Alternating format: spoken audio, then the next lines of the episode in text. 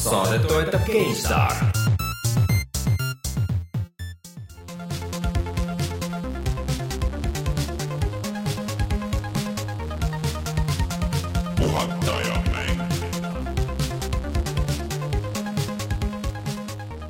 tere tulemast, on reede, teine oktoober kaks tuhat viisteist aastal ja te kuulate mängusaadet Puhata ja mängida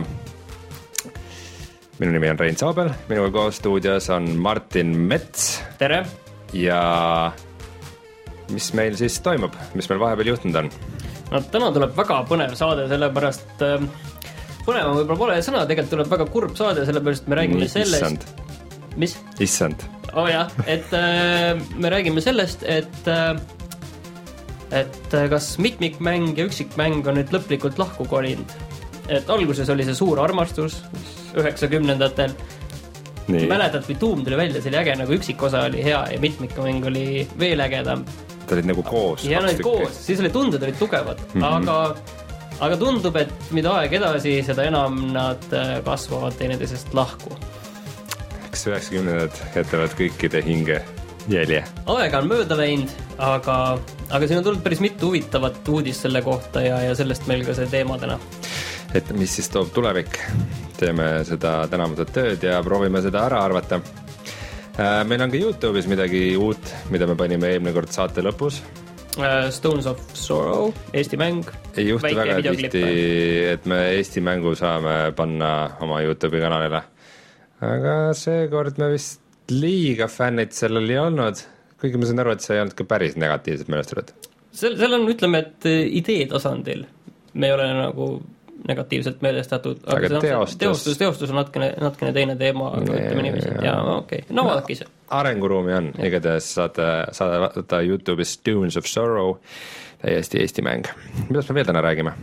me räägime uuest õudusmängust Soma ja sa oled mänginud sellist veidrust, millest mina ei tea mitte midagi, ehk äh, Craft Your World mm. -hmm ja, ja peale selle on ports äh, uudiseid äh, Call of Duty, uue Call of Duty kohta, uue Rainbow Sixi kohta, mis lähevad kõik meil selle õnnetu armastuse teema alla ja paarist äh, uuest mängust, mis varsti välja tulevad. Nende kohta on ka paar huvitavat uudist ja, ja meil on selle kohta mõned mõtted mm. -hmm.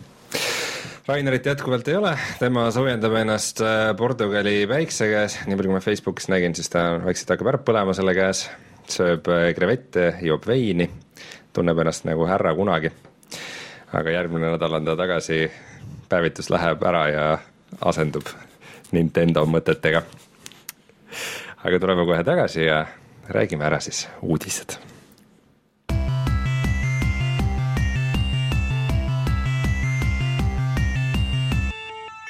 uudised.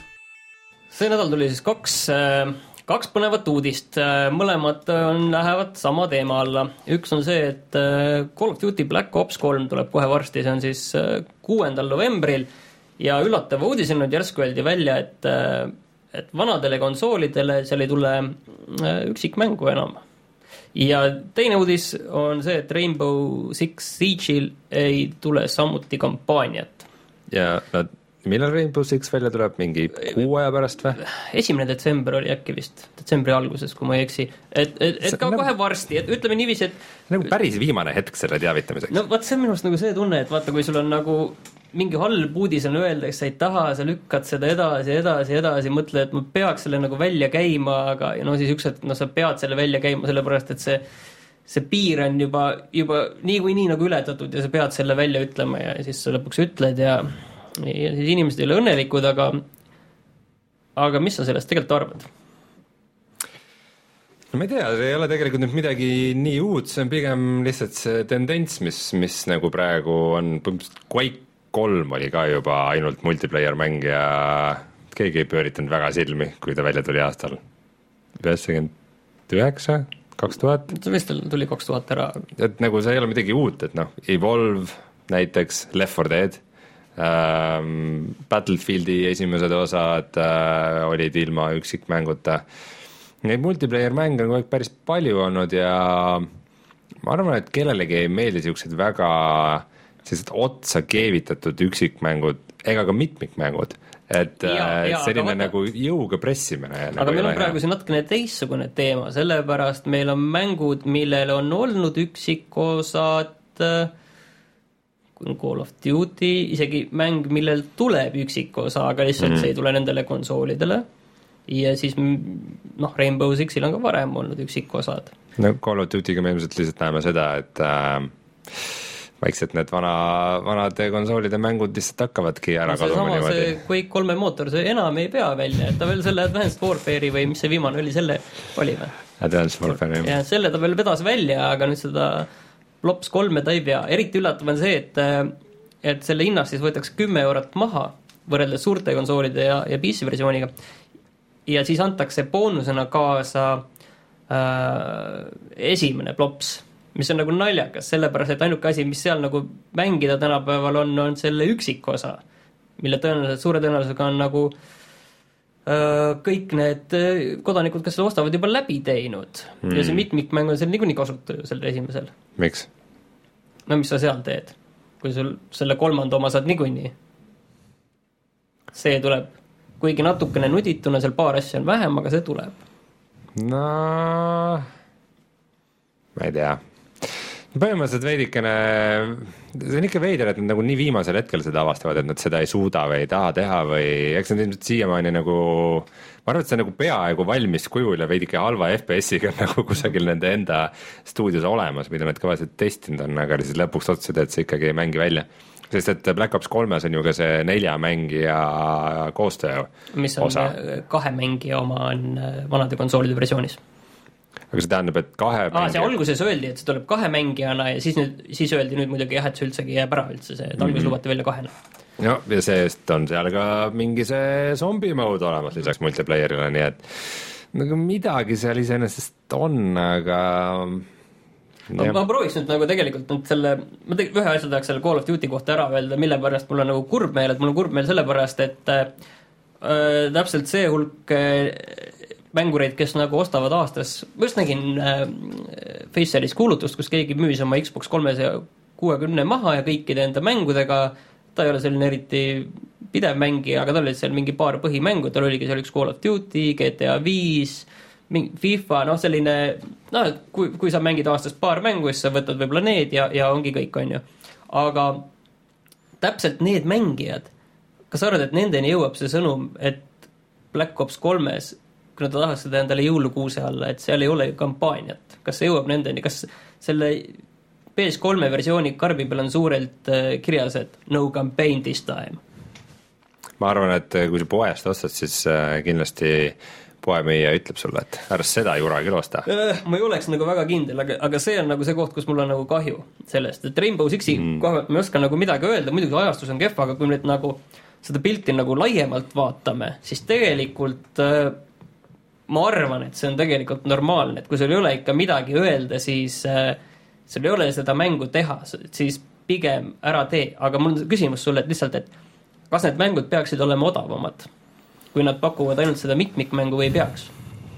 no nii või, või ütleme nii, et on, on mängijad sellega rahul, et kui kuuekümne euro eest saad selle mitmikmängu.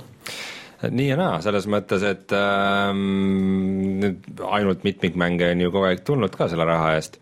ma arvan, et mina kui, kui nagu äh, professionaalne loo jutustaja äh,, mina näen siin nagu uusi väljakutseid.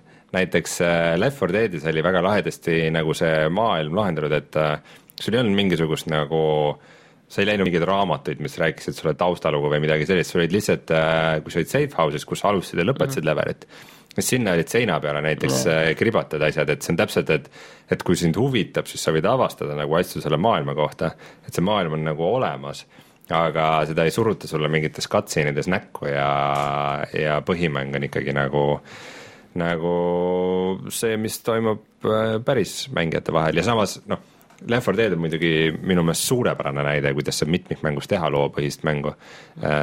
võib-olla Journey oleks üks teine, aga ma ise pole seda mänginud, ma toetan teist arvamusele. Left 4 Dead pole muidugi selline täishinnaga mäng ka, aga ma alguses nagu oli, päris kuuskümmend euri ta nüüd ka ei olnud. ma arvan, et oli. okei, aga võtame sellise asja nagu tegelikult nagu Battlefield neli, et see on ju asi, mida inimesed tegelikult on ostnud täishinnaga ja ütleme et, et kaheksakümmend, üheksakümmend protsenti nendest on selle ikkagi ostnud puhtalt selle mitmikmängu pärast ja nad on nagu julgelt selle raha välja käinud selle asja eest, et et mul on tunne, et kui see mitmikmäng on seda väärt, siis ei ole see rahaga probleem mm. -hmm. et äh, rääkimata sellepärast, et on kindlasti veel olemas suur hulk inimesi, kes ostavadki mänge üldse sellepärast, et seal mitmikmäng on. Ma loen sulle Steamis praegu äh, kõige mängitumad mängud ette, top viie. Dota kaks, Counter Strike Global Offensive, Team Fortress kaks, Ark Survival Evolved ja Football Manager kaks tuhat viisteist. kus Rocket League on? top kümnes teda ikka päris kindlalt ei ole aga point on selles, et ehm, mängijatele meeldib pigem mängida head mitmikmängu, vot see ongi see, et kui sulle meeldib mängida head mitmikmängu, see ei tähenda see, et sind story'ga mängud üldse ei huvita, et vahepeal tuleb sinna vahele mingi Last of Us näiteks, mida kõik tahavad nagu, mille lugu kõik tahavad nagu näha. aga, aga see, mis sa nagu igapäevaselt mängid, et sinna alati ei pea seda story't nii väga jõuga toppima. no mul on tunne, et need mängud, mis sa praegu ette lugesid, et need on ka pigem selline, tegelikult selline asi, mille ümber nagu rohkem koondub äh, inimesi, aga need mitmik, üksikmängud, äh, need nagu rohkem jaotuvad laiali äh, laiemalt lihtsalt ka mm, -hmm. et seal on see probleem aga ma ei tea, kuidas me seda teemat kokku võtame, kas, kas siis arm-, kas armastus on läbi või ikkagi, kas, kas ongi kõik nüüd või? et, et me oleme nagu tegelikult kaua rääkinud ju sellest, et, et, et, et need juurde poogitud mitmikmäng, et see on jama mm, -hmm. juurde poogitud üksikmäng on jama mm, -hmm. et äh, ainuke asi põhimõtteliselt ongi, et kes sellest äh, Battlefield nelja üksikmängu üle, üle iriseda saavad, need üldiselt ongi need sellised äh, neetud mängukriitikud, kes võtavad selle ette nagu mingi tõsiseltvõetava asja ja teisi see üldse ei huvitagi tegelikult ju vahel jääb selline mulje küll, et mingi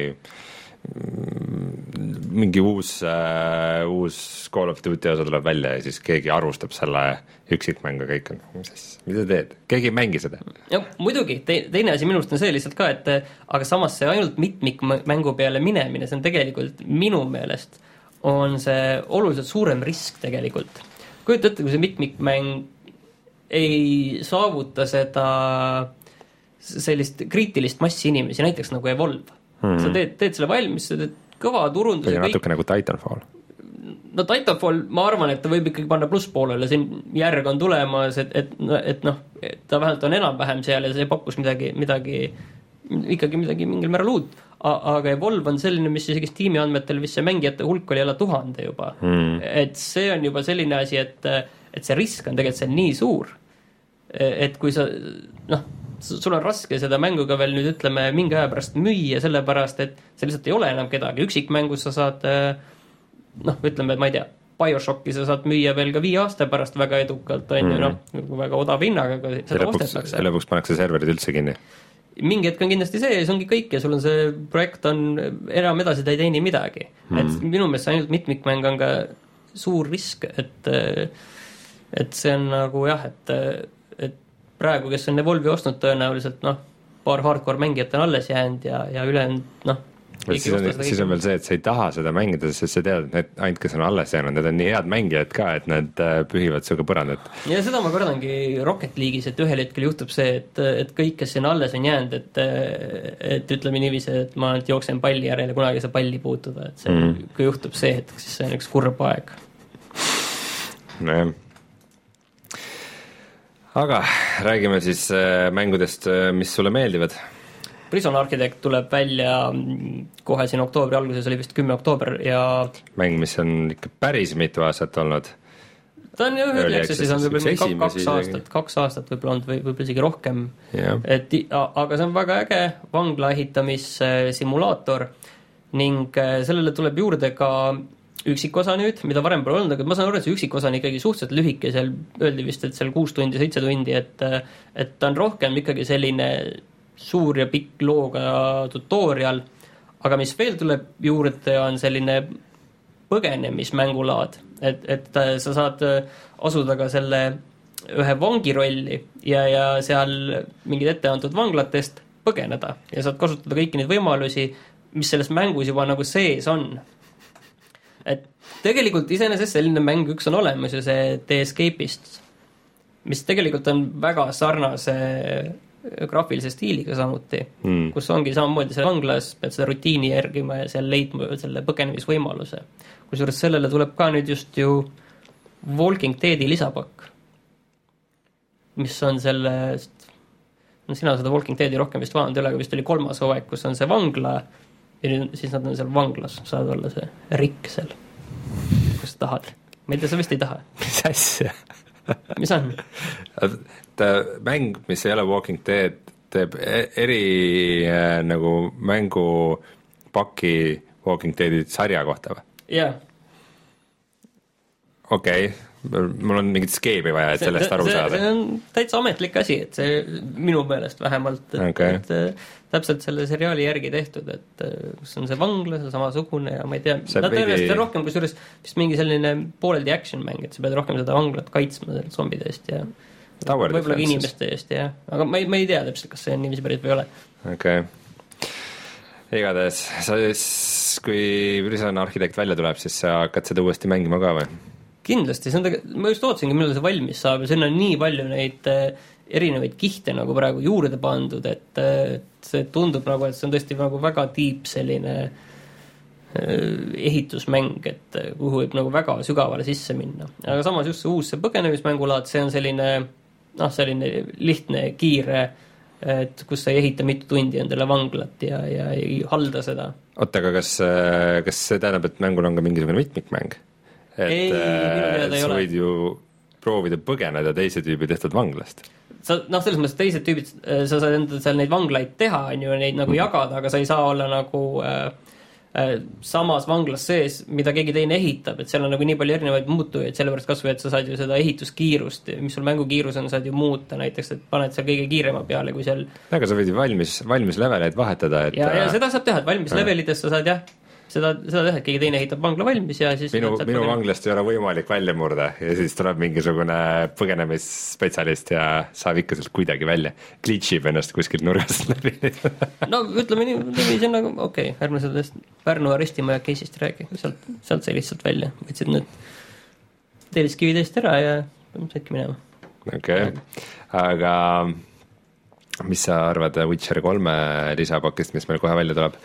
On ta siis ikkagi lisapakk või on ta niisugune allalaetav väikene boonusasi või no eks see vahe on väga me vist segane, ikka ootame nagu sellist nagu võimast üheksakümnendate niisugust expansion'it nagu, mis muudab kõike. no see on ka nagu nii hea, et üheksakümnendate sellised lisapakid olid ka sellised, et mõned olid tõesti sellised, selline autäide, et, et mis kasutas nagu täiesti ära ainult neid asju, mis sul seal põhimängus olid ja siis võib-olla pani kaks uut relva või strateegiamängus mingi kaks uut äh, masinat sisse, kusjuures Red Alerti esimene lisapakk, äkki ma, äkki ma eksin, aga minu meelest see ei pannud ühtegi uut asja juurde lihtsalt uutel kaartidel olid asjad ja mingit lugu ka ei olnud ja vahevideod olid kõik põhimängust lihtsalt suvaliselt vahele topitud, mingi tankid tulevad üle müüride ja kõik. jõle pettumus, noh, et ütleme, see oli E see oli nagu, siis ei olnud veel EA, siis oli ainult Westwood. Westwoodi omanik oli Electronic Arts. Ma ei mäleta, minu meelest siis veel ei olnud, aga võib-olla oli ka. minu meelest nad on alati kuidagi käsikäes käinud. minu meelest nõustusid hiljem ära. aga igal juhul jah, et ähm, Witcher kolme selle Heart of Stone oli selle nimi jah mm, -hmm. lisapakk, mis tuleb oktoobris välja, selle kohta on nüüd tulnud rohkem infot ja kõige rohkem pettumust tõenäoliselt valmistab see, et äh, et see toimub täpselt samas maailmas ja seal on umbes kaks uut tegelast. mis äh, on natukene nagu, tundub ka nagu selline vana materjali taaskasutus Mm -hmm. natuke. et lubatakse küll selline, alguses räägiti kümme tundi, nüüd, nüüd on see vist vähenenud kaheksa tunni peale äh, lugu pluss, aga seal samas, kas sa oled aru saanud, mis need äh, ruunid on see, mis sinna tulevad? mingisugune mm, lisamehaanika lihtsalt, mis sa relvadele saad panna midagi, mingeid spelle peale. ma saan aru, et see on nagu see kõige suurem äh, muutus, millega nad tahavad nagu kogu seda mängu mõnes mõttes nagu pea peale pöörata, aga samas mul on ka tunne, et et, et see CD Projekt Red on ise nagu need ootused nii kõrgele kruttinud et tegelikult mingis muus asjas mul on tunne, et kui, et kui saaks sellise lisapaki, oleks kõik nagu et kümme tundi nagu lisamissioone, see on väga okei ma just okay,, vaatasin Coogis, aga see maksab seitse kuuskümmend üheksa, et see on selline normaalse hinnaga, no aga, aga ikkagi, et, et probleem on tõenäoliselt selles, et, et, et eks see on natuke nagu meid ära hellitatud ja ja, ja, ja selle võrra nagu tundub see asi nagu kuidagi natuke liiga mm -hmm. lahja. arvestades, kui palju nad juba tasuta stuff'i laiali jagasid. ja nagu, nagu vaata, sa juba ütlesid, et, et kui sa treilerist tundsid juba tuttavad kohad ära, et see juba ennustas sulle halba, et jah, et ma ei tea, ma ikkagi loodan, et see on nagu äge ja see, see lugu nagu peab vastu, aga, aga no ma ei tea, saame näha, ma, ma lihtsalt ma arvan, et see teine expansion on ikka see põhiline, mis selle nimi oli? Ei, Blood and Wine? jah, aga, aga ma loodan nagu selle Witcher kolme juures, kus see, see lisapakk, et siin, siin on ka nagu see kriitiline asi, mis, millest ma rääkisin ka Witcher kolmest juures, et see, et kui äh, et ma loodan, et see toimub nagu selles maailmas, mis on pärast Witcher kolme, et see on Mhm. küll nagu noh, sul on jah, seesama kaart, sama, aga, aga et see oleks nagu see pärast seda lõpplahendust, mis toimus Witcher kolmes. miks ma, miks ma seda kardan, et see ei ole, on see, et seal on lihtsalt erinevad variandid, mis saab toimuda Mm -hmm. Ku- kuna ütleme, et noh, just kasvõi, et eh, kes võidab seal Witcher kolmes selle sõja, et, et kasvõi see, et eh, kuna seal on nii palju juba erinevad variandid, seal on vist kolm põhivarianti, kuidas see saab minna ja siis mul lihtsalt, ma kardan, et nad ei näe, neil ei ole olnud aega või tahtmist nii palju vaeva näha, et et eh, seda nii teha, et see toimub nii-öelda enne seda lõppu maailmas ikkagi, ma kardan. või siis on see kuidagi muud moodi ära seal streamline itud, et et, et sa ei saa sinna neid muutujaid sisse, mis seal, mille lõpu sa oled juba ära näinud, aga siis kuidagi tuleb kuskil sellises mitte nii ägeda lahendusena, seda ma kardan. okei okay., aga kui meie Reedu saade kunagi välja tuleb, siis kuulete rohkem sellest, mis me arvasime sellest kõigest. Mõned äh, väiksed uued asjad veel, nimelt kahekümne üheksandal septembril ehk siis just sellel päeval, kui me siin oma saadet lindistame, et kes audiosaadet kuulab, siis juba mitu päeva tagasi, läheb tasuta mänguks äh, massi mitmikmäng, massirollikas, kuidas me nimetasime MMO-sid eesti keeles? massirollikas massirollikas, jah. nimega Wildstar. mina pean tunnistama, et kui alguses oli see jutt, et äh, see läheb tasuta, siis ma sain aru, et äh, kuumakset enam ei ole, et sa pead ikkagi mängu ostma. aga põhimõtteliselt nüüd on see mäng täitsa, täitsa, täitsa tasuta, et äh, mine aga ja hakka mängima. kas see oli see MMO, mille kohta siin targad inimesed ütlesid, et see on see nagu World of Warcraft vanasti? ja siis keegi enam seda ei mänginud? see on selline mäng, millest oodati hästi palju ta, mis on naljakas, on see, et ta näeb graafika poolest niisugune suht lapsik ja lõbus välja, aga ta mängitavus on just nagu raskem ja keerulisem, et näiteks äh, sul ei ole võimalik nagu vastaseid äh, target ida. et kui WoW-is oli näiteks see, et nagu, et sa klikkisid selle WhatsAppi peale ja sa vajutasid oma numbreid, et nagu spellid hakkasid jooksma, siis äh,, siis Wildstar on nagu see mängitavus on palju nagu rohkem niisugune feeling'u põhine, et sul on nagu loitsud on alati mingi ala ainult, kuhu nad mõjuvad ja sa pead nagu täpselt määrama seda õigesse suunda oma rünnakut tegema ja selles mõttes see nagu mängitavus on nagu palju, palju keerukam ja põhjalikum ja sellest niisugused äh, niisugused väga pühendunud äh, massirollikate fännid ootasid väga palju, aga, aga paraku finantsiliselt see mäng ei osutunud üldse nii populaarseks, kui arvati. nüüd ta siis läbib teatud uu-, uuendusi. Aga nad äh, selle tasuta minekuga koos avaldasid ühe niisuguse filmiliku treileri, mis on päris cool, soovitan seda vaadata. kuigi see stiil ei ole päris mulle, siis ma pean ikkagi tunnistama, et see on hästi tehtud treiler tead, mis, kui me räägime juba kahekümne üheksandast septembrist, siis tead, mis mäng veel täna välja tuli, tuleb? mm,. see Heroes of Might and Magic seitse täpselt, et äh, mäng, mille varasemad osad on vist meile mõlemale päris palju meeldinud. mm. -hmm. Aga no mida- kolmas ikka meeldib no, no kolmas muidugi, kolm punkt viis, vot see on juba, aga, aga mul on sulle hea küsimus, mul neljas et ka tegelikult päris meeldis. et eh, mida sa tead üldse sellest seitsmendast osast, et see on kuidagi nagu väga selliseks äh, väga radari alla on see läinud isegi ütleme niiviisi, et mul tuli lihtsalt see meelde tänu, täna tänu sellele lihtsalt, et pressikas tuli. mm.. et muidu ma nagu Ubisoftilt. jah Okei. okay., et, et muidu nagu, nagu ei paneks nagu tähelegi, et Ubisoft ise ka seda nii kuidagi madalalt äh, läheb sellega, et, et äh, tuletan meelde, et see kuues osa oli äh, viisakalt öeldes väga halb. et äh, see läks, nagu me rääkisime ükskord, et äh, Anno seeria on ainukene Ubisoftil see, mis on nagu selles mängitavuses nagu jäänud sama, samale sellisele mikromajandamise tasemele nagu sarja esimesed osad, et Settlersiga läks väga, väga selliseks lihtsamaks tehti asi ja kuuendas osas tehti ka selle äh, Heroesega niiviisi. aga see seitsmes, ma saan aru, et nad lähevad natukene ikkagi tagasi, võtavad paar sammu neid rumalaid uuendusi tagasi, et kuule, mul on natukene déjà vu, sest minu meelest just viies oli see, mis ütles, et unustage ära kõik, mis seal neljandaga vahepeal toimus ja see on nagu mängitavuselt täpselt kolmas. oligi, oligi Jah. ja viies, viies võttis äh, need neljanda uuendused ära, et, et just ei mäleta nüüd neid, mis need oli, aga no põhimõtteliselt näiteks see, et sa said äh, kolle saata eraldi jah, järgi jah, seda ei olnud, et sa said ainult selle Ainult kangelane sai armeesid liigutada. ja, ja viies tegelikult oma põhi sellelt olime sellest, et oli selline 3D, mida seal noh, osadele meeldis, osadele mitte, minule tegelikult meeldis mm,. ta oli ilus. et, et äh, tegelikult selle põhi selline tuum oli tal, oli tal kolmas ja minu meelest see oli nagu väga tore, aga kuus läks nagu täiesti võssa omadega, kui sul lihtsalt neid ressursse võeti vist, kui ma ei eksi, kolme peale või noh, kuld ka neli ressurssi ja nüüd on kõik ressursid tagasi, sellest ma olen aru saanud Mm -hmm. seal vist neid erinevaid osapooli on vist ainult kuus nüüd uues. kuuendas oli ju niiviisi, et kui sa võid, said vastasel lossi kätte, siis sa said kogu selle maa-ala, mille peal olid ka need kaevandused kätte, kõik selline asi, see läks nagu täiesti noh, jaburalt lihtsaks. teistpidi noh, ega ta ei olnud kokkuvõttes lihtne mäng, selles mõttes, et see, seal läks ka iseenesest mängimine läks raskeks, aga, aga need uuendused olid ikka väga nõmedad, mis sinna olid sisse toodud. et ma saan aru, et see seitse võtab need kõik tagasi, aga samas ma ikkagi tean selle kohta liiga vähe, et ma, ma plaanin seda küll mängida, aga see on kuidagi nagu niivõrd, niivõrd tagasihoidlikuks jäänud see sari.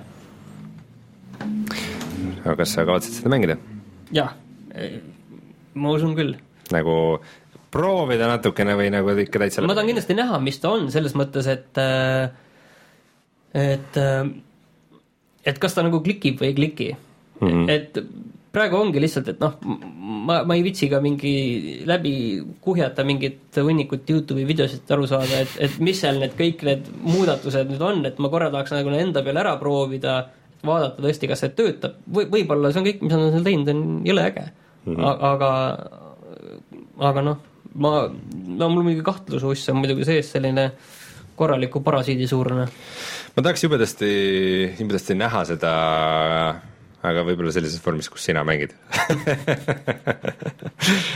Äh, väike uuendus on ka siis Arkis, millest ma ikka aeg-ajalt olen siin üritanud rääkida, mis peaks ka nüüd kahekümne üheksandal septembril juba vist laivi minema. nimelt kaks uut looduskeskkonda, lumi ja soo mis sa oskad selle kohta öelda? Äh, kommentaarid, kuna see mäng ikkagi on üsnagi kehvasti optimiseeritud, siis äh, kommentaarid ütlevad, et need on siis need kohad, kuhu ei tasu nagu üldse tükkida, et seal nagu jääb pilt täiesti seisma, nagu kui sul soo peab seal igal pool äh, laiali vastu peegeldama ja vahelt ja et äh, see, sinna ei tasu tükkida. aga seevastu on seal ka palju uusi loomi, saad äh, suurte huntide sellest sõita näiteks ma saan aru, et see mäng on ikkagi see mäng, mis veel töötab ikka täiesti, et seal inimesed pole ta- veel, järgmist uut asja pole veel leidnud. kui ta ainult oleks veidike paremini optimiseeritud, kui ta jookseks natukene paremini. kui ta, kui, kui need menüüd niiviisi silmi peast ära ei kriibiks. nüüd on ka koledad jah, aga, aga üldjoontes lahe mäng ja, ja kindlasti mäng, mis ikka näitab, et selle update'id on, on nagu raha väärt. kusjuures äh, räägin veel sellest, et äh, Betesta on suutnud nagu selja sirgena hoida ja, ja pole oma DLC-sid äh, ei Sonyle ega Microsoftile maha parseldanud, et nagu, nagu siin kõik Call of Duty'd ja, ja paljud nagu lähevad selle peale, et kellel on eksklusiivsed DLC-d, mida siis äh, suure suuga välja pasundada ja nii edasi, on ju, et Fallout neljal kõik lisapakid tulevad räägime korra Fallout neljast, me pole ammu rääkinud Fallout neljast. mis sa tahad selle kohta öelda? ma ei tea, selle kohta ei ole mitte midagi öelda, sest et see põhimõtteliselt on ainus uudis, mis selle kohta on tulnud. kõik, kõikidel saitidel, mida ma külastan seal aeg-ajalt, on jälle mingisugune uus mingisugune detail Fallout nelja kohta.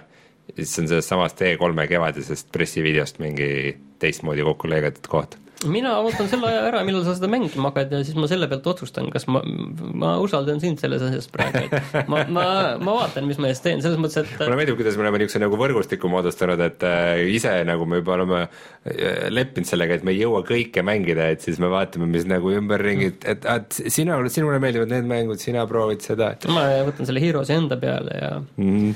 ja, Assassin's Creed'i. ei. Come on, ta on kübar ei.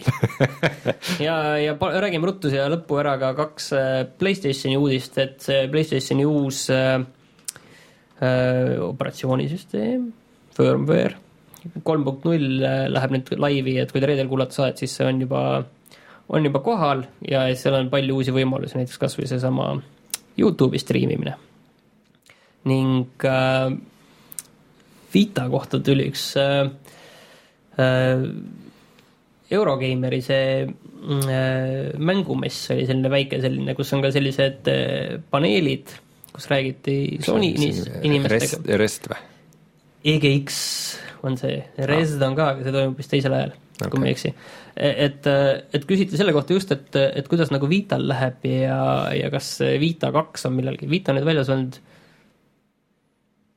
kolm pool aastat, midagi sellist. et küsiti, et kas sellele tuleb ka järgmist versiooni kunagi. ning vastus oli, et tõenäoliselt äh, mitte nähtavas tulevikus. Hmm.. et kuna süüdistati muidugi mobiilimänge ja, ja lihtsalt, et kogu see taskukonsoolide business on selline äh, praegu sellises kehvas seisus, aga mina ei tea, minu meelest on nagu iseenesest neile turgu olemas et praegu Vita ka põhimõtteliselt tegelikult müüb üldiselt ikkagi, ikkagi müüb praegu Jaapanis äh, üle poole, müüb Jaapanis. ja noh, 3DS müüb ka seal, aga, aga 3DS äh, müüb ka mujal, erinevalt Vitast. et nii Põhja-Ameerikas kui Euroopas ka, aga 3DS on, ei ole ka nii palju müüd, müünud, kui tegelikult alguses loodeti, et, et vähem kui tal eelkäija. ja natukene teeb ikka kurvaks sellepärast, et tegelikult see, see, see veelahe ikkagi, ütleme, et mobiilimängude ja, ja Vita või 3DS-i mängude vahel on ikkagi hoomamatult suur, ütleme niiviisi, et mm. ma ikka viimasel ajal ütleme niiviisi, et ma, ma ei puudu ühtegi asja, mis seal, mis seal mobiilimängudes peaaegu on, et see on ikka, ma pean ennast sundima põhimõtteliselt. oh, Angry Birds kaks ma, ma korraks proovisin lihtsalt, ma ütlesin, et ma, ma ei, ma ei, ma ei taha, aga, aga lihtsalt, et see on mingi viiekümne teises levelis juba tahad sellest pikemalt rääkida?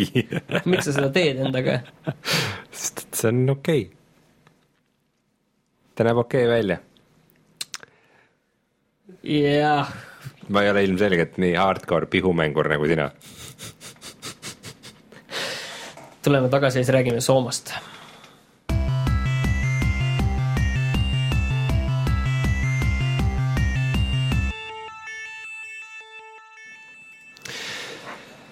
Sooma, siis Amnesia tegijatelt äh, uus sarnase mängitavusega mäng vist, niisugune äh, üksikisiku vaates puslemäng, aga mitte nii õudne. see õudus on võib-olla jah, natuke teistsugune, et, et see, selle on teinud jah, sama firma Frictional Games, rootslased, ja, ja, ja see on, põhimõtteliselt nemad panid sellele noh, ma ei taha öelda, et nemad kogu sellele žanrile aluse panid, aga ikkagi sellele uuele hoole mm, -hmm. kus tulid nii-öelda õudusmängud, kus sa ei saa Äh, vastu võidelda, et selline survival, survival horror sellisel teisel uuel tasemel, et et kus Helpless su... survival. jah, jah, sa oled, sa oled abitu ja, ja sa pead, ütleme, põgenema ja, ja ütleme ikka pimedas nurgas hiilima ja kükitama või kuskil noh, selline riidekappi pugemine on äh, väga tüüpiline selliste asjade juures, et, et ütleme, et näiteks tegelikult et äh, kas või Sooma tegelikult, äh, mul kohe tegelikult tulid suured võrdlused kohe Alien äh, Isolationiga mm. -hmm. sest no seal ka see võitlemine oli selline noh, see leegiheitjad said mõnikord kasutada põhimõtteliselt ja see võitlemine oli ütleme selle Alieni osa just. pigem, et see on nagu selline võrreldav, et see oli selline suur mäng, aga, aga samas kindlasti noh, Outlast ja, ja kindlasti on neid siin veel olnud selliseid, aga kui Amni-, Amnesia juurde tagasi tulla, esimese Amnesia juurde, siis tegelikult see oli natuke nagu vastik mäng minu jaoks, sellepärast et see oli küll väga hea, aga, aga seal oli see kaamera liikumine oli nagu selline, et see pani mul tõesti südame, südame tegi pahaks ikka. kaamera liikumine? no jah, et see oli nagu nii first person see astumine, vaata, kus sa hmm. Rapub pea niiviisi tõnks, tõnks, tõnks, tõnks, tõnks. et see, see hakkas südames keerama, et seda nagu tegelikult, mul ei tulegi teist mängu meelde, millega seda oleks juhtunud okay.. aga, aga see oli kindlasti mõnes mõttes ka osa sellest, sellest äh, amneesia kogemusest. aga Soma on siis äh, tänuväärne vähemalt selle poolest, et et ta viib selle kogu teema natuke mujale, et mida ei ole teinud, et Outlastis oli selline kole, koledad kollid kuskil äh, mahajäetud hullumajas. ja, ja, ja sellised, äh, mingid sellised amniisias samamoodi, natuke rohkem inimeselaadsemad seal, aga, aga Sooma viib meid hoopis sellisesse veealusesse uurimisjaama see on väike déjà vu seal on natukene mõned paralleelid jooksevad BioShockiga läbi, jah. aga, aga, aga tegelikult mitte, no visuaalselt on need ikka täiesti erinevad. aga see hakkab väga, väga hästi hakkab igal juhul, et selline, sa, sa oled endal kodus tavaline tüüp, sul on väike, väike selline ajuuuring vaja teha lihtsalt, kuna sa siin natuke aega tagasi pea sai veidike põrutada ja nüüd on vaja minna ajuuuringut tegema, et võtta see noh, see tracer vedelik võtad endale sisse ja, ja mine ja lähed kohale, enne seal metroos räägid natukene, et jaa, et, et ma täna veel tööle ei jõua tulla, et mul on täna see brain scan ja et tänapäevas toimub see? jaa, jaa, lähed kohale, siis sel-, näed doktorihärrat, tervitad teda, et oo, tere, doktor. oo ei, ma ei ole doktor, ma olen lihtsalt mister, et äh, ma veel tegelen selle doktori teemaga, et tule proovime seda asja, et see on siin selline väike eksperimentaalne asi, et vaatame sul, mis juhtub ja, ja noh, kui sa seda proovid, siis sa oled kuskil mujal juba. et äh, aga jah, rohkem ma ei taha, aga ütleme, et see väga humoorikas algus on see juba, et kuidas see kõik on tehtud, kuidas sul on väga palju detailidele pannakse rõhku ja kui detailidest veel rääkida, et, et siis äh, see on nagu selline mäng, kus sa saad igast asju üles korjata, niiviisi üles tõsta ja uurida, aga üldiselt pole sellest mingit kasu. Mitte asja üles tõsta või klaase vaadata, kuidas kukutad maha, kuidas nad terveks jäävad, ükskõik kuidas. aga, aga kogu see mäng iseenesest, äh, kui sa oled juba seal, siis äh, üllatavalt vähe on vastaseid. see on nagu alati hea. kui sulle tehakse õudusmängu ja, ja see ei ole nii, et, äh, et see koll on iga nurga taga, et mida vähem on vastaseid, siis sul tekib aina rohkem tunne iseenesest, et see võib kuskil olla, sa liigud aina, aina ettevaatlikumalt, et sa tead, et mingi hetkel keegi tuleb, aga see ei ole nii, et et see on iga nurga taga, siis sa juba tead, et see on iga nurga taga ja sa oled selleks valmis, on ju. aga neid elukaid on tõesti nagu vähem ja ja ütleme, et selline, see eluka teema läheb sellisesse äh, transhumanismi teemasse, et seal on, ütleme, et äh, masinad ja kodanikud hakkavad saama üheks. ja see on nagu visuaalselt väga ägedalt tehtud. et mõnes mõttes nagu minu masinad ja kodanikud. inimesed, jah. et et see Bio, biomehaanika. jah, ja, ja, ja ütleme niiviisi, et noh, masinad tunduvad olema isegi rohkem inimesed seal vahepeal kui, kui ütleme, inimesed ise. aga selline, et see on nagu iseenesest väga sellise hea looga, looga mäng, et ta tõesti võtab seda asja tõsiselt, erinevalt näiteks Amnesiast. Outlastis isegi mingil määral oli see lugu natukene natukene kehvem, seal oli küll nagu, see oli nagu okei okay., Whistlebloweri lugu minu meelest oli väga hea. seal mm, -hmm. seal just sellise, selle vastase, seal oligi nagu üks vastane põhimõtteliselt terve selle DLC pea, noh, väike mäng, ta oli võib-olla viis tundi, neli tundi, aga üks vastane ja siis seda oli väga hästi portreteeritud niiviisi seal. et sam-, samamoodi nagu mul on tunne, et see Soomas ei ole nii hästi portreteeritud nagu erinevaid vastaseid, aga nagu iga vastane mõnes mõttes nagu esindab midagi, mis selles loos parajasti on, mis tekitab mõnes mõttes kogu aeg tunde nagu, et see kõik toimubki ainult sinu peas hmm.. et äh, ja samamoodi see hiilimine et mõnes mõttes nagu praegu nagu vähemalt ma olen kuskil võib-olla esimese kolmandiku peal või kuskil seal, et ta ei ole nagu väga raske, praegu vähemalt. ütleme nii, et ta ei ole nagu liiga raske, näiteks ma ütleks, et minu jaoks see Alien Isolation Hardi peal oli oluliselt raskem. Et praegu see minu meelest ongi nagu kõige nõrgem koht, et see see hiilimine võiks olla nagu mingi nõks raskem, et sa tunneksid ennast veel natukene rohkem abituma, noh.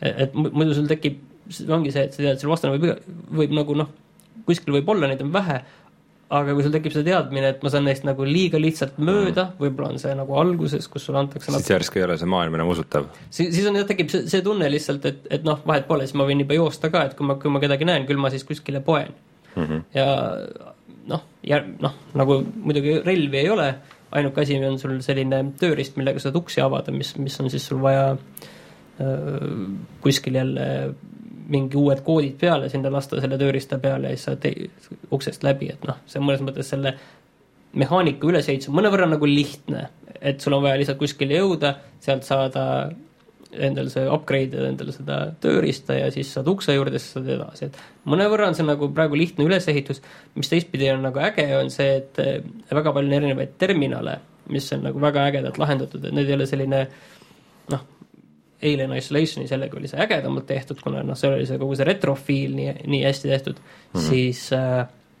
Soomas äh, on selline tänapäevane või isegi tuleviku, aga, aga samas ka nagu väga ägedalt tehtud, et kui see kõik asjad on sul nagu maailmas, sa näed neid asju, aga siis sa võid sinna niiviisi sisse zoom ida, neid asju näppida, et see on kõik nagu noh, sama maailm, et sa ei lähe nagu, kui sa lähed mingisse terminali, et sa lähed kuskile nagu mingisse, järsku klõps, sa oled teises maailmas, teises kohas, et sul ei ole nagu seda disconnect'i nende kahe maailma vahel. aga et jah, mina mängin seda PS4 peal, arvutiversioon on samuti olemas, hind on kuskil kakskümmend kaheksa vist oli mul PS4 peal. mul on tunne, et see on nagu seda väärt, aga mul on nagu hirm, et see, see, et ta ei ole nagu liiga pikk, et, et ta on selline kaheksa tundi, üheksa tundi, et sinnakanti, et, et ta nagu samas selliste, sellist tüüpi mängude juures ta selline pikkus, et see võib olla ka, võib olla ka paras. ma ei tea, kuidas sulle tundub.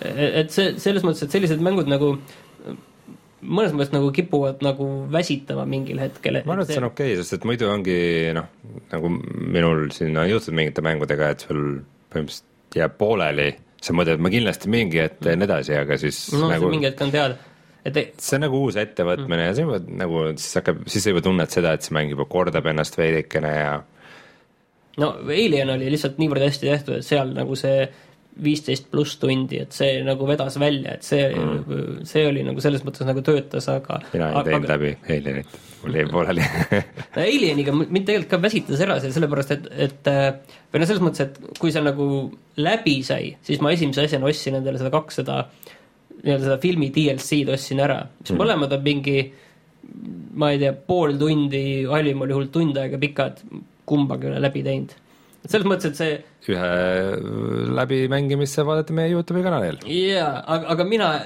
mina lihtsalt selles mõttes, et äh, kui mul oli see põhimäng läbi tehtud, mul oli nagu selline mitte nagu kergendus, vaid lihtsalt, et äh, ma nagu tõmbasin joone alla, ma proo-, aga ma proovisin kohe seda DLC-d äh, hakata mängima ja see oli nagu täiesti, nagu täiesti teisest maailmast, see oli nagu mingi täiesti teine asi.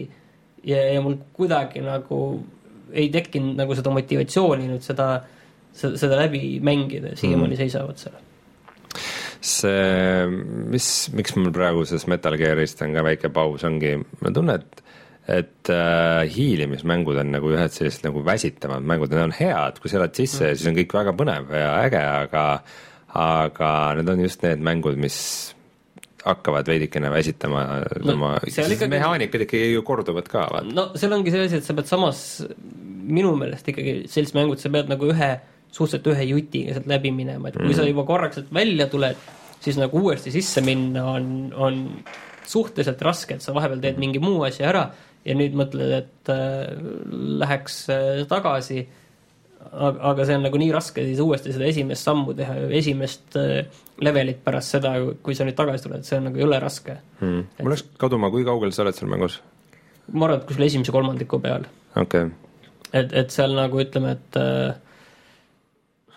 et kui nagu kuidagi praegu kokku võtta, siis mulle nagu tegelikult see, see väga meeldib. ta näeb, visuaalselt näeb väga äge, selline täiesti tumedates toonides välja ja see mõnevõrra on see, et kuna sa saad nii paljude asjadega suhelda, siis, siis sul on nagu kõike näppida, siis, siis nagu ongi see mingil hetkel saad aru, et nende asjade näppimisel pole nagu mingit pointi, et need nagu otseselt ei tee midagi, et mm, -hmm. et alguses aga... ma näppisin kõike, vaatasin, mis see kuidagi kuskilt leian.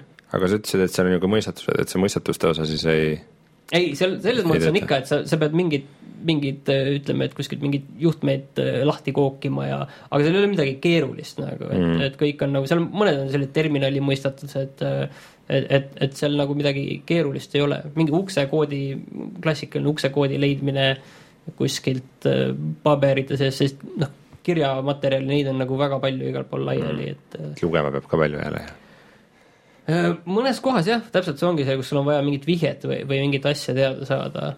et, et seal nagu on, aga samas, milline ta, ta töötab minu meelest nagu sellisel mingil loo tasandil, et ta töötab mõnes mõttes nagu rohkem sellise seiklusmänguna või sellise trillerina, kui mitte niivõrd õudusmänguna mm. -hmm. Outlast minu jaoks töötas ikkagi õudusmänguna, aga see töötab nagu sellise seiklustrillerile või sellise, sellise põneva loona mm, -hmm. mitte nagu sellise õudusmänguna, mis nagu, et oh, tõesti nagu noh, mitte et ma päriselt kardaks, aga, aga lihtsalt, et, et noh, tõesti, mis sellised noh, nagu mingi hea õudusfilm tekitab, et eh, sellist feeling ut ta päris ei tekita. püksid sõeluvad ikka püüli amneesiaga, tähendab, ma tahtsin öelda, et amneesiaga muidu sõeluvad, sellega ei sõelu. jah ja. um,, umbes, umbes, umbes nii, et ta, ta ei ole nagu tõesti nagu ütleme õudne nagu äh, sellises noh, mingis hea õudusfilmi mõttes. okei okay., aga mm, mina otsisin nüüd midagi, mida mängida, teatavasti meil on tulemas väga tegus november, aga praegu veel mõned asjad ei, noh, praegu on veel väga vähe neid asju. nii et ma tõsiselt tegin sellise asja, et ma võtsin Steam'i lahti ja hakkasin äh, läbi kammima. no mänge. sul on seal mitu mängu, ma tean. no mul on jah, ka Steam'i konto, kuhu tuleb asju, aga, aga mm, tundsin, et ma tahaks midagi nagu manageerida. et noh, Anno mängud on, on muidu mulle väga meeldinud, aga mõtlesin, et ma ei võta mingit vana ette, sest varsti tuleb see uus niikuinii ja siis ma ei, noh, mehaanikad ikka veidi korduvad, et prooviks midagi teistsugust ja vaatasin ikka, ma arvan, mingeid neid äh, strateegiamängude, sest noh, siuksed majandamismängud on ikka strateegiamängude all, vaatasin ikka tubli viiskümmend, kuuskümmend tükki neid seal läbi, enne kui jõudsin sellise mänguni nagu Craft Your World. ja mõtlesin, et see võiks olla miski, mida tasub proovida, sest et on mul pressikontrolli olemas, muidu maksab kakskümmend eurot.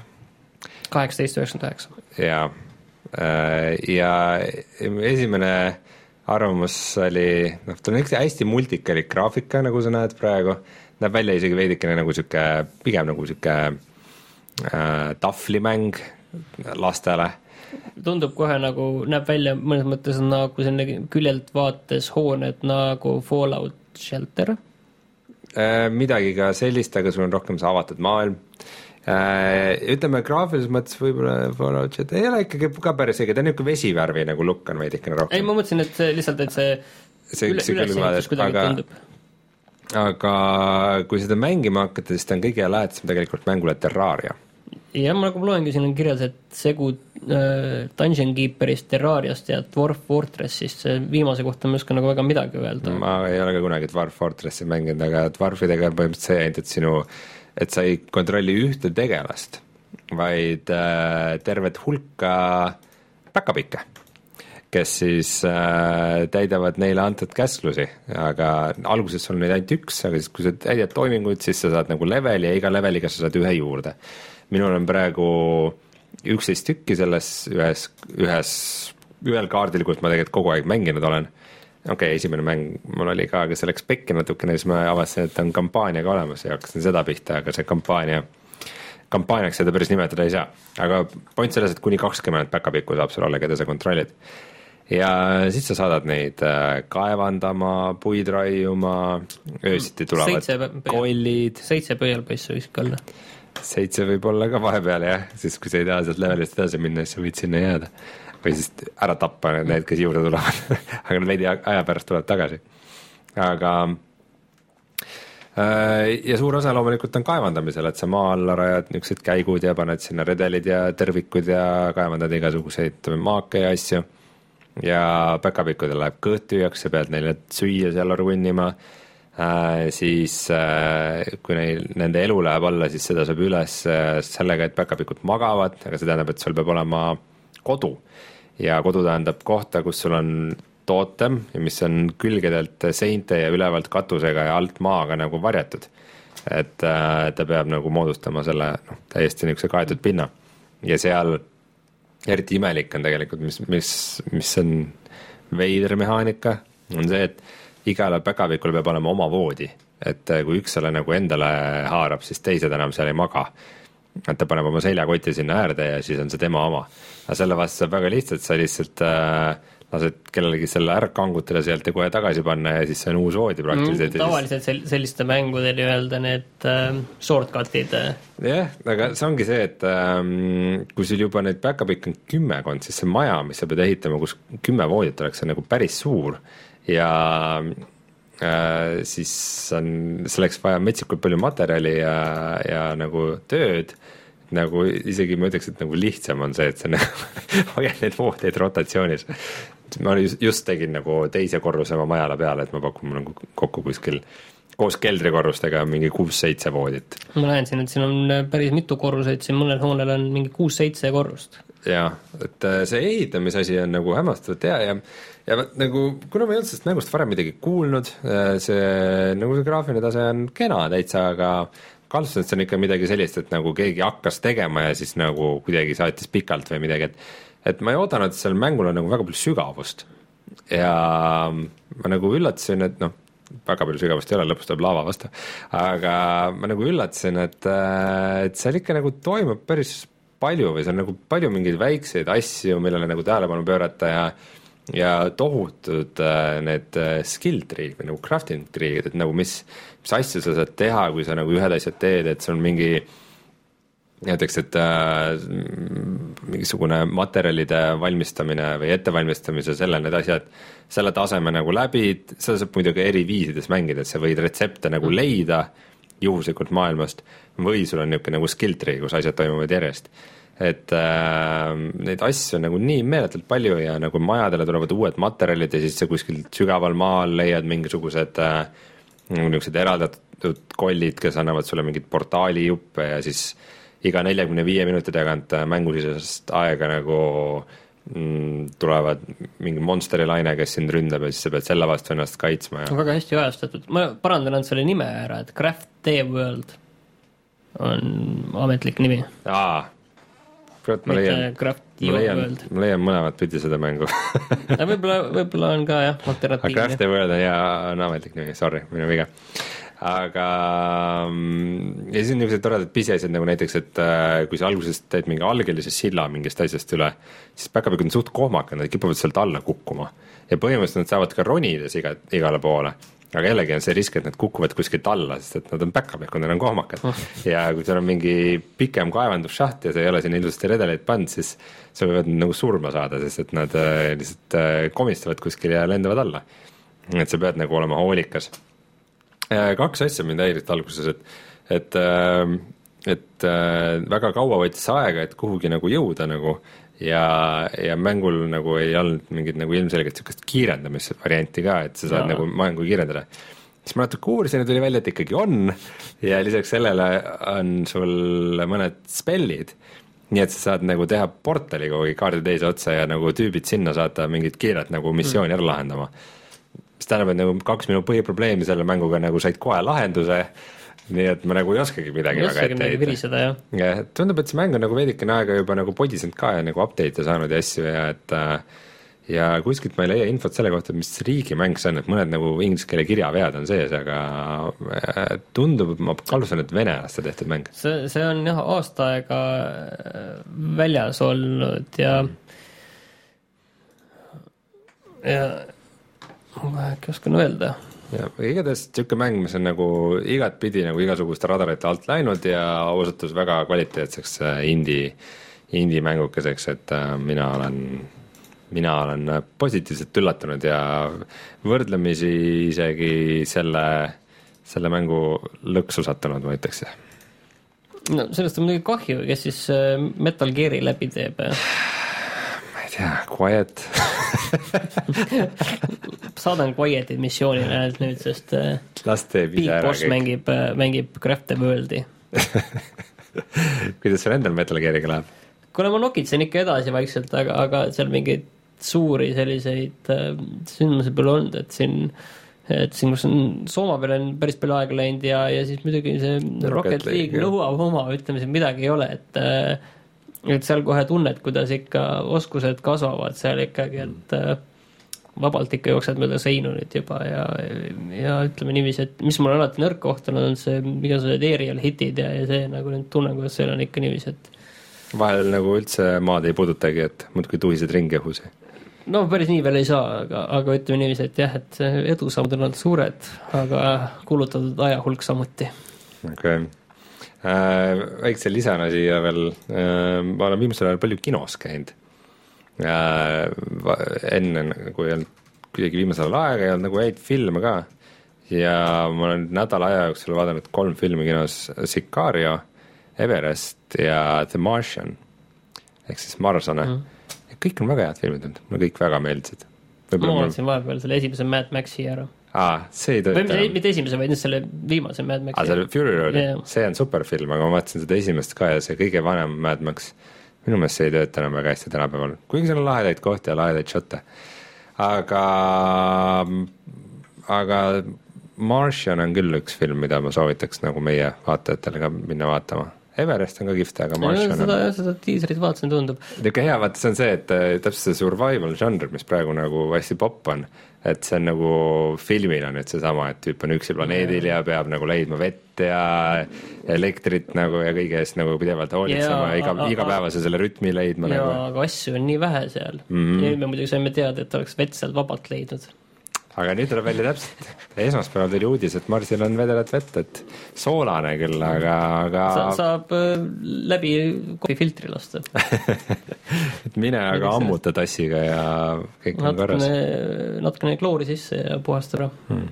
mis mind muidu Martiani juures üllatas, ma pean ütlema nagu, et kes, kes nagu kardab niisugust väga õudset või rusuvat filmi, siis äh, ma nagu üllatasin selle, selle üle, kui nagu niisuguse rõõmsa tooniga kogu see film oli, ta on niisugune, niisugune lõbus film nagu, mis tuli mulle mul oli treilerist selline rohkem selline, sellise isolatsiooni ja ahastuse mulje nagu jäi vot see ongi see, et see, võib-olla see on see, et kui sa tead, et tüüp on üksi planeedil, et äh, et siis seda ahastust ja üksindust on nagu niikuinii, et film nagu ei lahka seda või nagu ei peatu sellele, et et äh, tüüp on seal kogu aeg sihuke rõõmus ja et äh, üks, üks koht, mis mis äh, oli jäänud lõppfilmist välja, aga mis oli raamatus sees olnud, et äh, see raamatu autor oli veidike pettunud, et see koht välja jäi, et kus äh, kus NASA-s siis maa peal arutatakse, et kuidas see tüüp tagasi tuua ja siis räägivad, et kuidas tüüp on seal üksinda lõksus nagu tervel planeedil ja, ja ressursse midagi ei ole ja sööki jätkub ainult seal mingi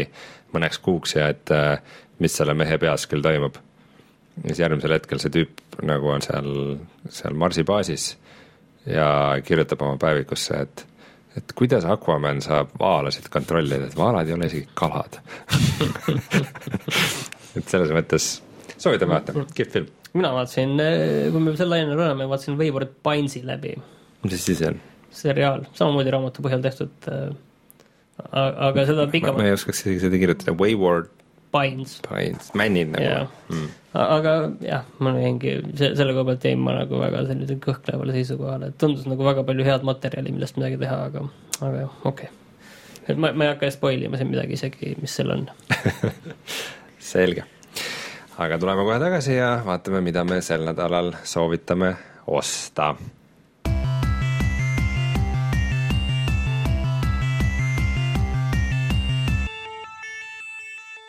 Kisume uuesti selle Mad Maxi teema üles, et äh, Rainerit täna siin pole, siis me võime öelda, et äh, ärge mängige seda.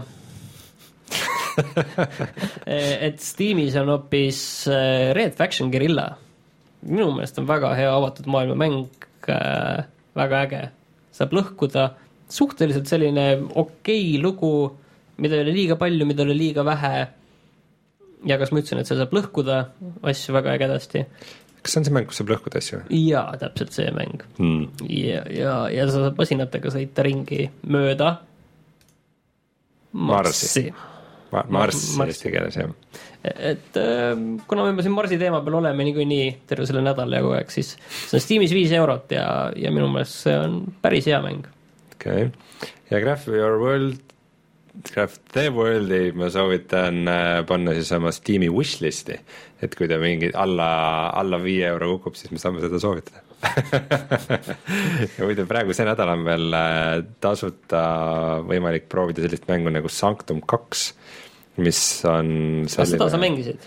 ma mängisin, ma ei mäleta, kas ma mängisin esimest osa või teist, võimalik, et minu meelest teist, aga no okei. Okay. mis on äh,, mille nagu žanr iseenesest on huvitav, sest on tornitõrje, aga üksikisiku vaates. et äh, sa paigutad mingeid, mingid kollid hakkavad kuskilt nurgast tulema ja sa paigutad nendele nagu teekonna ja paigutad sinna mingid laserid ja Jaa. asjad, mis neid nagu võimalikult palju ründavad, aga sa pead seda kõike nagu üksikvaates tegema ja siis nagu headshot idega kaasa aitama sellele, et need kollid kiiremini ära vajuksid. ma pean küll tunnistama, et mulle see, minu jaoks see mängitavus jäi veidikene puiseks, aga noh, see nädal on kõigil võimalik seda tasuta ise proovida. äkki ta on vahepeal edasi arenenud ka. Rein, kui sa Eestist ostad mänge, kus sa neid ostad? GameStar.ee egas midagi, see, selline oli siis see saade. ma arvan, et üks meie ajaloo kõige lühemaid saateid, mis on okei okay. mis on vahelduseks on okei okay, Jah. sest täna on teisipäev no täna ja kui äh, ütleme niiviisi, et vahepeal siin mõni põrutav uudis tuli, kui te seda saadet kuulate reedel või hiljem, siis äh, see on sellepärast, et me veel ei teadnud sellest midagi. mm. -hmm. jäi, jäi kahe silma vahele. nii et äh, nautige oma, oma nädalat ilma saateta ja varsti oleme tagasi ja jälle tippvormis ja, ja puhanud ja oma asjad ära teinud. puhanud ja mänginud ja ajakirju teinud ja ärge siis unustage puhata ja mängida. tšau. tšau